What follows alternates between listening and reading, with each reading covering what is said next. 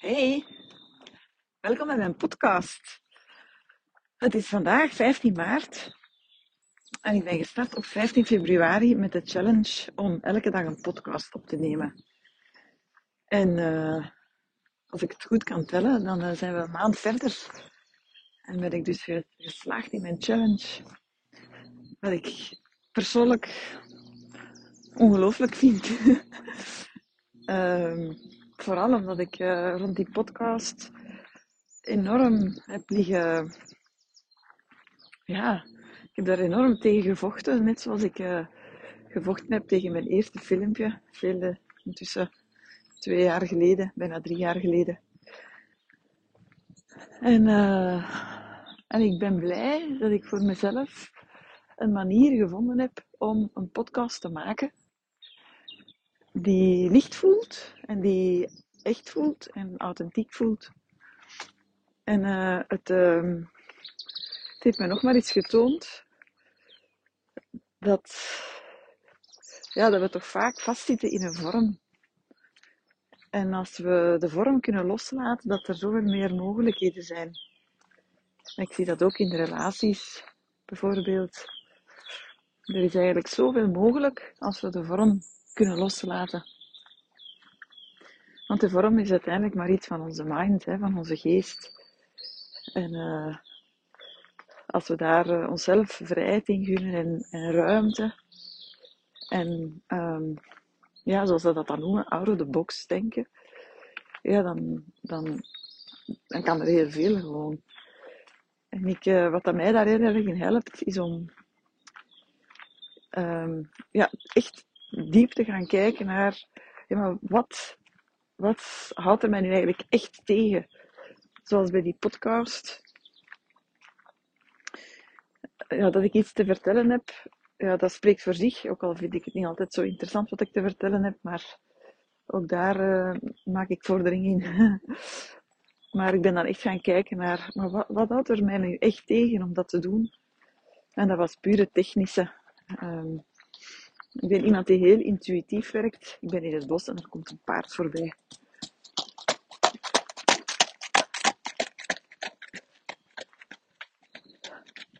Een groot bruin paard. Dat is toch cool, hè, dit? Allee, geef toe. Er gaat toch niks boven een... Uh, er gaat toch niks boven uh, zo'n podcast in het... Uh, in het dagdagelijkse leven, vind ik. Ik vind dat echt wel iets speciaals. Ik loop, in, ik loop in het bos ook dus, hè, zoals ik zei. Anyway.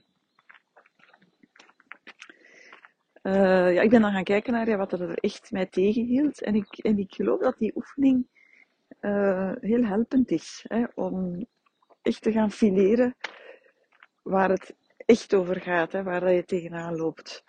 want we zien dat vaak als één groot geheel. Maar we kunnen dat ook heel vaak in stukjes hakken. Um,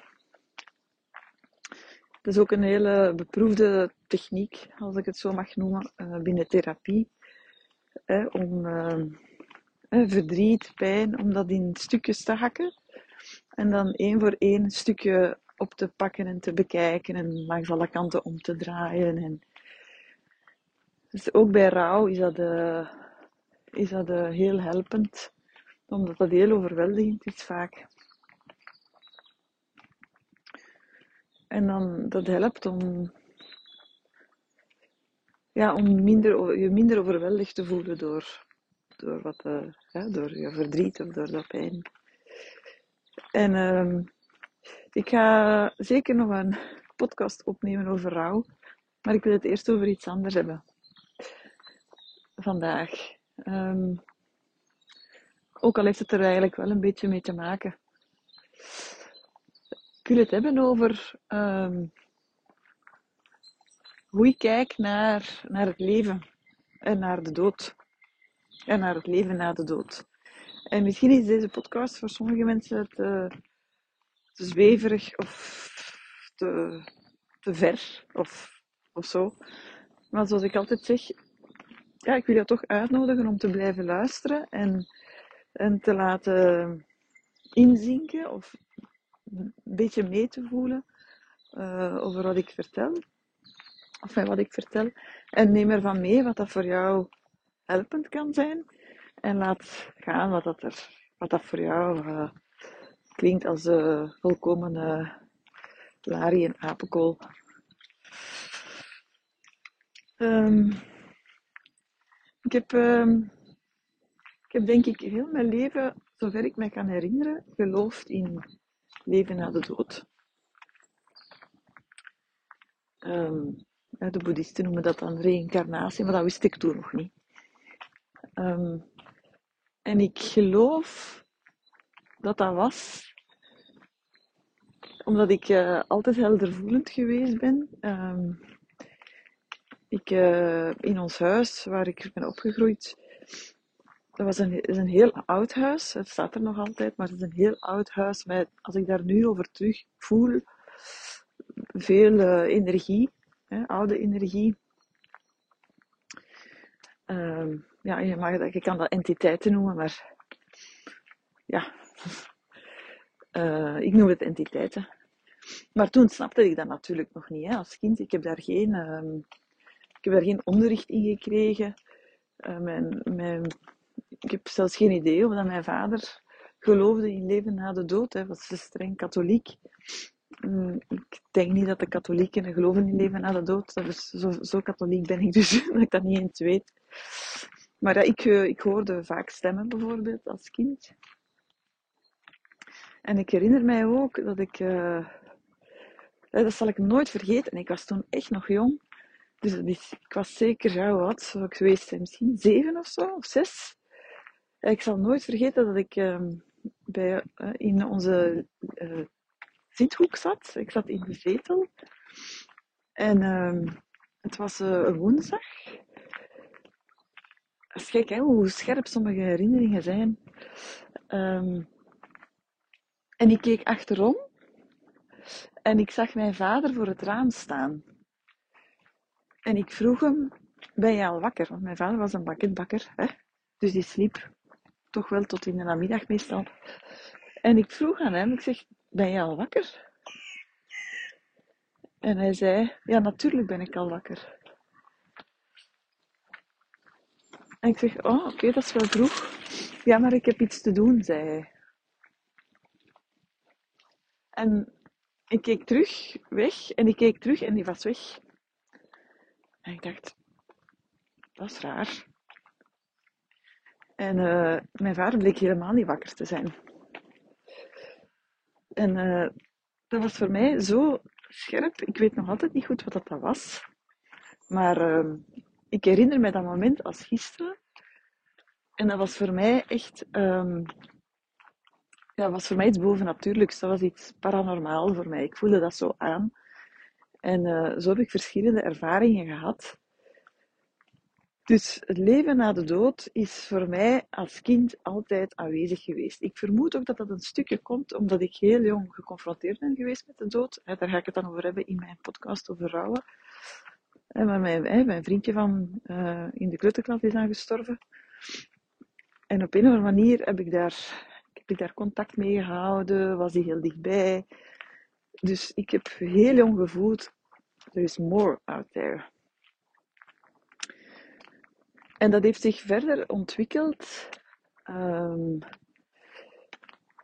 um, toen ik ook voorspellende dromen kreeg over het overlijden van mijn vader bijvoorbeeld, dan was ik ouder. Um, en dat heeft zich verder uh, duidelijk, is duidelijker geworden voor mij toen mijn zoon geboren is. En hij had hele duidelijke beelden over uh, vorige levens. Hij, sprak, hij kon amper praten, maar hij sprak altijd over een vrachtwagen die hem overreed. Hij was ook een heel, heel angstige baby. Um, extreem, heel extreem. Ik kon niet slapen zonder dat het licht aan was. Ik sliep daarbij. Hè kon niet slapen zonder dat het licht aan was. Uh, was extreem angstig in het donker. En ja, was nooit bij mij weg geweest. Dus, uh, dus ja, dat kon alleen maar uit een vorig leven komen. En dan ben ik ook daarover beginnen lezen. Hè. Een heel goed boek daarover is Wie was mijn kind? Zeker eens uh, opzoeken. Kinderen staan nog heel sterk in contact met hun vorige levens. En dat is iets wat dat, dat, dat zich langzaamaan terug afsluit, tenzij dat je dat blijft uh, voeden, is veel gezegd, maar tenzij dat ze voelen dat daar ruimte voor is en dat dat, de, um, ja, dat, dat er mag zijn. Maar mijn drie kinderen hebben alle drie uh, sterk contact met het uh, onzichtbare. Mijn oudste dochter bijvoorbeeld zag ook heel veel. Um, kon, op, kon opeens zonder uh, verklaring beginnen huilen. Terwijl ze aan het spelen was en zei dan altijd dat er een, een koe was. Maar ja, dat was wellicht iets anders. En je ziet dat ook hè, als je naar kinderen kijkt. Hè. Kinderen kunnen heel erg um, kijken naar iets boven jou. Of hè, zoals dieren dat eigenlijk ook kunnen doen. En, uh, maar dat was eigenlijk allemaal nog redelijk, hoe zal ik het zeggen? Dat was meer een innerlijk weten, intuïtief. Ik had daar zelf nog nooit iets over gelezen of zo. En toen ben ik begonnen aan mijn gestaltopleiding. En een van mijn docenten was ja, zeer bedreven in het boeddhisme. En ik zie hem wel als mijn eerste leraar, hè, boeddhistische leraar. Ja, ik volg hem ook nog altijd. Uh, op Instagram vind je hem, Mind Consult, Ramo de Boer. Zeker heel interessant om, uh, om hem te volgen. En uh, ja, daar kwam dan, hè, daar kwam dan, kreeg ik dan ook een beetje onderwijs over ja, reïncarnatie. Wat is dat juist? En, en wat is feitelijk de bedoeling? Hè? Wat is de bedoeling hè? over in het leven en hoe gaan we, hoe, ja, hoe, sterven, hoe gaat dat eigenlijk? En uh, ik ben nooit bang geweest voor de dood. Nog altijd niet. Ik kan eigenlijk morgen sterven als ik wil. Ik ben 48. Ik ben daar niet direct van plan, maar ik voel wel heel veel uh, rust daarover. Ik heb ook een heel rijk leven gehad. En ik geloof ook dat, we, dat het goed is om uh, te leven met de dood in gedachten. Daarmee bedoel ik, ik ga dat uitleggen. Uh, ik bedoel dat niet fatalistisch. Ik bedoel dat eerder dat je beseft dat je doodgaat en dat dat oké is. Hè. Ik zie heel veel mensen krampachtig dat eindpunt um, vermijden of, of, of er zelfs van weggaan. Of ze willen zoveel uit het leven halen dat ze, ja, dat ze ook zoveel missen. En, dat klinkt een beetje als een paradox, maar ik zie dat niet als een paradox. Dat is voor mij dat ook een, een, iets van de tijdsgeest. Hè. We willen zoveel in één, in één uur proppen. Uit de angst om iets te missen. Hè. Dus hebben we de FOMO dan. En daardoor missen we de essentie of zo. Want ja, wat is de essentie? Voor mij is de essentie um, aandachtig aanwezig kunnen zijn in het moment. En in dat, uh, in dat momentum kunnen zijn en blijven van uh, ik observeer mezelf en ik blijf erbij. En that's it. Maar dat is natuurlijk een. Op zich is dat al. Ja, dit wordt een hele filosofische podcast, ik hoor het al. Stay with me, oké? Probeer even mee te gaan. Um, want op het moment dat je gaat observeren, ben je natuurlijk al uit het moment.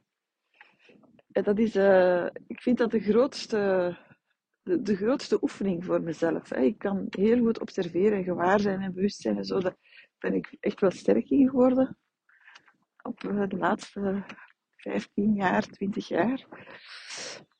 Maar er zit altijd toch nog iets van ja, beweging in. Want op een of andere manier is de bedoeling dat je tot stilstand kan komen. Hè? Dat niet dat je gedachten, uh, dat je geen gedachten meer hebt, dat niet. Want dat is, dat dat is hè? daar gaat meditatie niet over.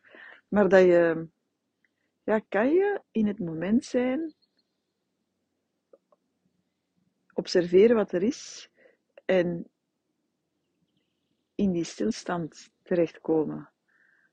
Zonder dat je het gevoel hebt dat je nog iets moet, of dat er nog iets gevraagd wordt, of dat, er, hè, dat je helemaal in die zijnsmodus komt. Maar het interessante is natuurlijk dat als je daarin komt en je observeert dat je eigenlijk al terug iets aan het doen bent. Ja, dat is zo'n beetje. Het is heel moeilijk om uit die, uh, uit die dualiteit te blijven. Hè? Want de bedoeling is eigenlijk dat het non-duaal wordt, hè? dat het gewoon één iets is, hè?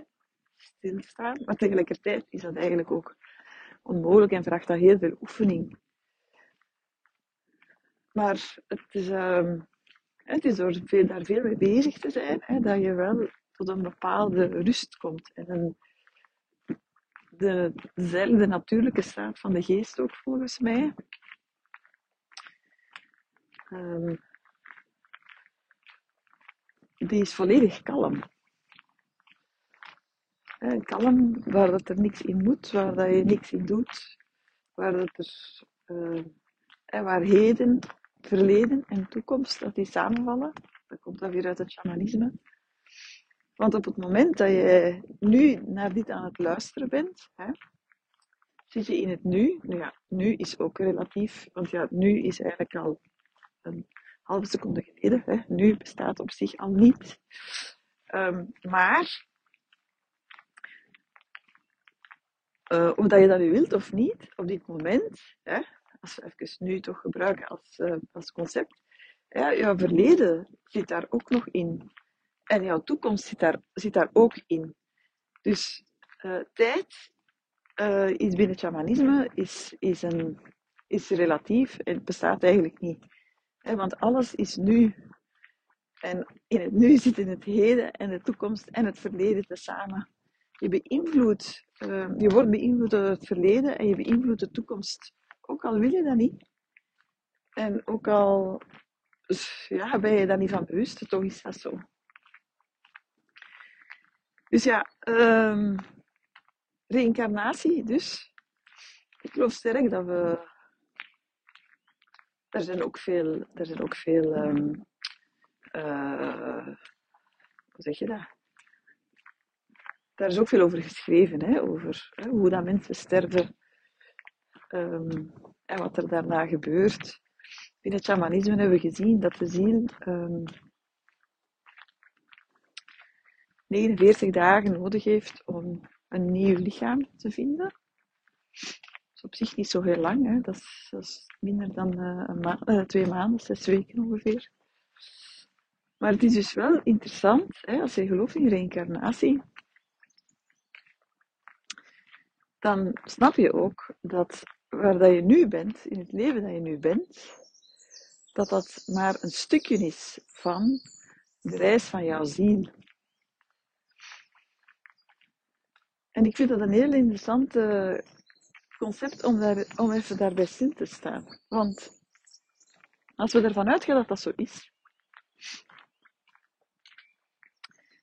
dan geeft dat heel veel, voor mij geeft dat alleszins heel veel uh, ruimte en mildheid.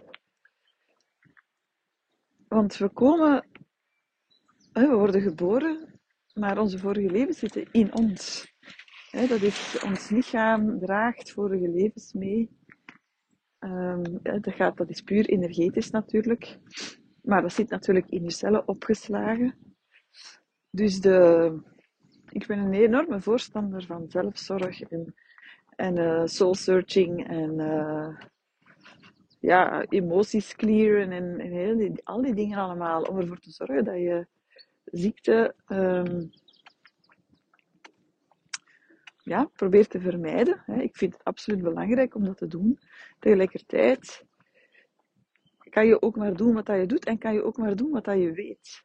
Je kan niet aan iets werken wat je niet weet, wat je niet kent. Als je iets hebt meegekregen uit je vorig leven dat jou emotioneel heel belast, waardoor dat je bijvoorbeeld kanker krijgt, ja, dan, ja, je kan, je, als je het niet weet, als het niet op je, op je netvlies komt, kan je er natuurlijk er ook niks mee doen. Dus uh, ik vind het altijd belangrijk. En ik vind, we zijn natuurlijk verantwoordelijk voor onze gezondheid. En ik geloof dat we daar heel veel in kunnen doen.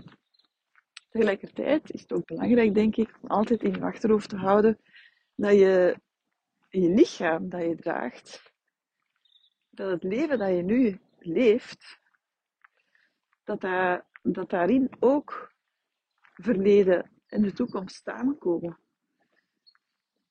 Jou, als je sterft, dan ja, onthecht je volledig van, van alles, hè, van je lichaam. Maar jouw lichaam, de energie die in jouw lichaam zit, zal zich verder, ja, um, ja, zal zich verder zetten ja, in een nieuw lichaam. En dat ben je op dit moment aan het bepalen. En ik vind dat heel, ik vind dat heel speciaal. Ik vind dat geeft zoveel ruimte. Ik ben hier nu aan het stappen. En ik zie zo allemaal sparrenbomen en ik voel enorm, enorm veel ruimte. Um, in, ja, in mijn zevende chakra eigenlijk. Achtste, negende chakra nog verder. Dus uh, kan dat soms heel, heel erg voelen, kan er soms heel dichtbij zijn. Maar ik denk dat het belangrijk is dat we dat meer en meer gaan doen. Dat we dit leven gaan beschouwen als een stukje van, van het pad van onze ziel. Ook als we kijken naar onze kinderen. Kijk, onze kinderen komen ook ter wereld. Maar um, komen ter wereld. Maar zij zijn ook op een groeipad. En hun ziel zit ook op een groeipad. Dus God knows hoeveel levens dat zij al achter de rug hebben. En je ziet dat ook, hè. sommige kinderen hebben een oude ziel, sommige kinderen hebben heel veel lichtheid in zich. dat is heel, heel, dat is heel um, persoonlijk en afhankelijk. Maar um, wat ik maar wil zeggen, is dat het pad waarop dat we zitten, hè, ons uitnodigt om zaken te helen, hè, dichter bij onszelf te komen, onze ziel een stukje ja, ruimte te geven, hè, om, dat, om het kanaal in ons zo zuiver mogelijk te krijgen, zodat dat onze zielsmissie hè, zich volledig kan ontplooien. Hè, dat, dat, daar, gaat het volgens mij over. Hè. You know, who am I? Um, maar dat is voor onze kinderen dus ook. Hè. Allee, het groeipad stopt eigenlijk nooit. Hè? Want er is eigenlijk een vol continue uh, overgang van het ene leven naar het andere leven. En als onze kinderen ter wereld komen, dan hebben ze er al een heleboel levens op zitten. Dus we, ik vind dat we als ouder vaak te veel um, uh, onszelf te veel uh, macht geven eigenlijk. Macht of, wat is het juiste woord? Verantwoordelijkheid. Uh, ja, we denken alsof, dat wij, alsof, dat wij, alsof dat wij het leven van onze kinderen zo hard kunnen bepalen. Ik, ik geloof er eigenlijk alsmaar minder in. Natuurlijk moeten we zorgen voor veiligheid en verbinding en al die dingen allemaal. En daar ben ik helemaal, hè, daar, daar zijn we het over eens. Maar hoe dat, dat zich dan ontvouwt, ja, met welk, hè, op welk groeipad dat, dat zo'n kind zit, hè, wat heeft die ziel al meegemaakt, hè, wat, is, hè, wat, is, uh, wat gaan de volgende levens allemaal ja, daar hebben we allemaal geen, daar hebben we allemaal geen vat op eigenlijk, hè. Dus ik denk dat we, ja, ik denk dat we, het ook echt belangrijk is dat we onze kinderen hun, hun pad uh, durven, durven, moeten durven laten nemen. Dat ze, ja, ja, dat ze echt ook hun eigen weg mogen gaan. En uh, dat we daar in wezen ook allemaal gelijk in zijn. We zijn allemaal aan het stappen en we hebben allemaal een pad voor ons en achter ons. En ja, er wordt in sommige uh, richtingen, kringen, wordt er gezegd dat kinderen kiezen waar ze geboren worden. Toen ik dat voor de eerste keer hoorde, eh, daar heb ik nog wel even eens over moeten voelen, hoe dat, dat, dan juist zit. En, maar ik geloof dat wel. En dan zeggen mensen mij altijd, ja maar lieve, dat kan nu toch niet. Er zijn kinderen die misbruikt worden en mishandeld en doodgeslagen. Ja, ja, maar we bekijken dat terug heel erg vanuit het westerse denken. Maar die kinderen kiezen natuurlijk niet rationeel waar ze geboren worden. Dat is op zielsniveau dat er gekozen wordt. En volgens mij klopt dat dan wel. Hè, als je, je, kan, je kan ook duidelijk zien dat zielen eh, behoren tot een bepaalde familie. Hè, je kan dat laten rieden. En dan, dat it all makes sense. Als je, de ziel zit in ons en de ziel ja, heeft een aantal levens, God knows how much, of how many. En, um, en het is de ziel die kiest, de plek kiest waar hij denkt hè, dat hij het, het, het, best kan ontwikkelen, maar waar hij ook een stuk, ja natuurlijk ook uh, een, een, een, een, een, nut heeft. Dat klinkt ook weer zo westers.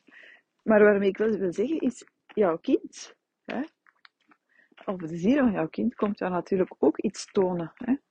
Dus die dynamiek tussen al die zielen vind ik heel, uh, is voor, voor mij veel, veel, veel interessanter om te gaan daar naar te kijken, dan te gaan kijken naar het gedrag bijvoorbeeld dat mensen stellen of um, ja, naar zo de meer uh, westerse uh, waarden, zoals status en imago en van die dingen allemaal. Maar we hebben allemaal een kei schone ziel. Hè? En dat leren we in de tantra ook heel erg, hè, van de ziel te zien in iemand en los te komen van, van, uh, van het lichaam, van hoe iemand eruit ziet, van hoe oud iemand is. Um, van geen oordeel te hebben over gedrag. En dat alles um, gevoeld en doorvoeld mag worden. En dat we daar onze tijd voor moeten nemen. Ik geloof ook dat dat uh, echt wel belangrijk is. Ik ben wel benieuwd wat dat dit allemaal met jou doet. Ik weet ook niet of je daar al ooit over hebt nagedacht. Nu, als ik naar mezelf kijk en ik, uh, ja, ik leef al, ja, ik leef al, naar mijn gevoel, al heel mijn leven met de wetenschap. Wetenschap, het is grappig dat ik dat woord gebruik. Met de wetenschap hè, dat, er, uh, dat het niet stopt hier na dit leven. Uh, geeft mij ongelooflijk veel rust. Geeft mij veel rust en, en, um,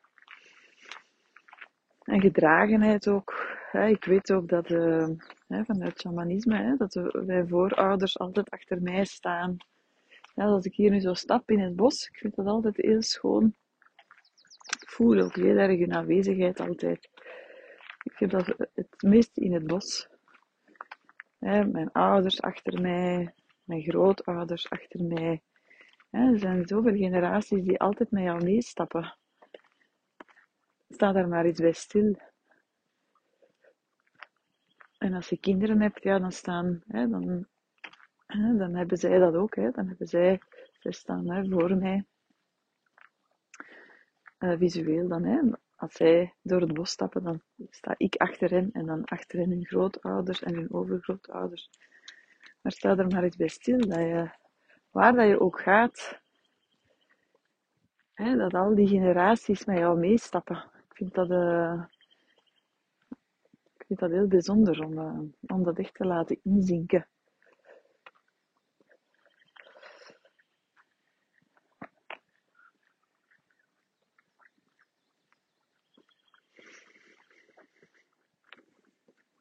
Ik geloof dat het belangrijk is dat we ons uh, klaarmaken om te sterven.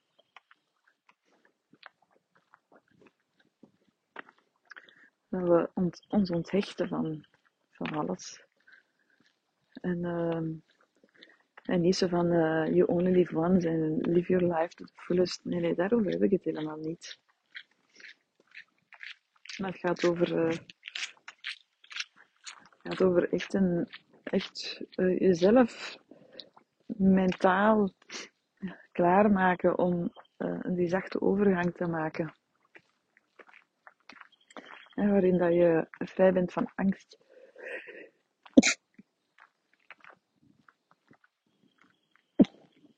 Ah, nee, ik moest niezen.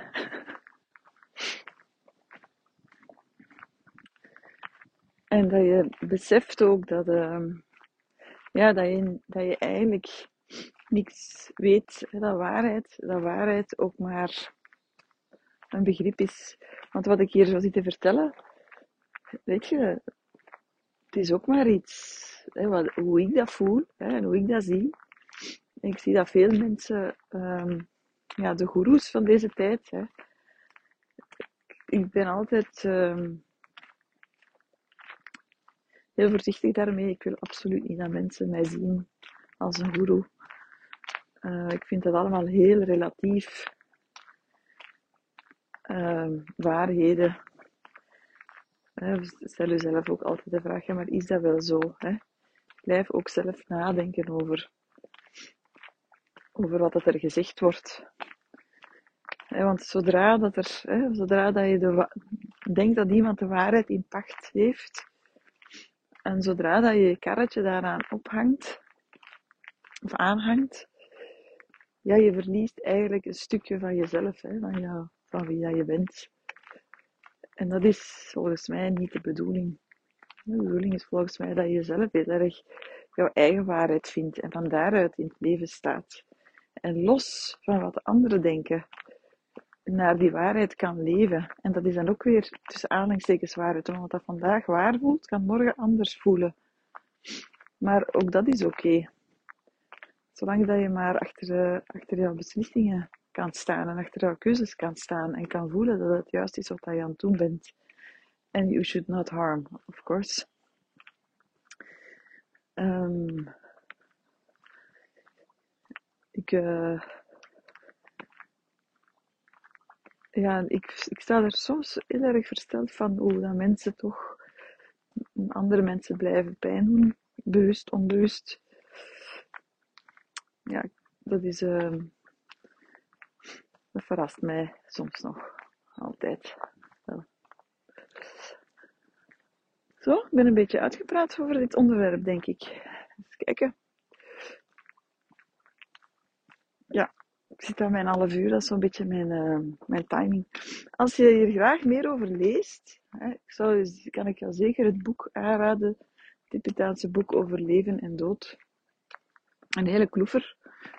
Uh, maar heel boeiend om in te lezen, om te kijken hoe de boeddhisten kijken naar het leven en de dood. Er staat ook heel veel over meditatie in. Hè, en over hoe dat je, je geest kan oefenen eigenlijk in, uh, ja, in aandachtig aanwezig zijn en in het, echt in het moment zijn. Hè. Het moment dat er, ja, zoals ik het daar straks zei, dat er echt dat er niks meer is. Dat is geen leegte, maar dat is gewoon, voor mij is dat heel erg een volheid die er dan ontstaat. Dus het Tibetaanse boek van leven en dood van uh, Rinpoche. Rinpoche heeft ook, hè, is lang guru geweest, hè, zo'n beetje zoals Yogi Bhajan. Maar Rinpoche is ook uh, uiteindelijk van zijn voetstuk gevallen. Weet je, uh, we zijn allemaal mensen onderweg. Ik geloof eigenlijk niet in goeroes. Um, we zijn allemaal mensen onderweg. Hè, op die lange weg hè, van die vele levens naast elkaar. En um, bij een volgend leven kan, je, hè, kan die ziel een totaal ander leven krijgen. Dus ja, dat maakt mij ook heel nederig over het leven aan zich. Het is eigenlijk, het is eigenlijk allemaal niet zo. Ja, we maken er big fuss van, maar eigenlijk is het maar een klein stipje op een hele lange lijn, wat dat we nu aan het doen zijn. Hè? Dus chill. Er kan u niks overkomen. Maar ik hoor jou wel heel graag morgen. Dag.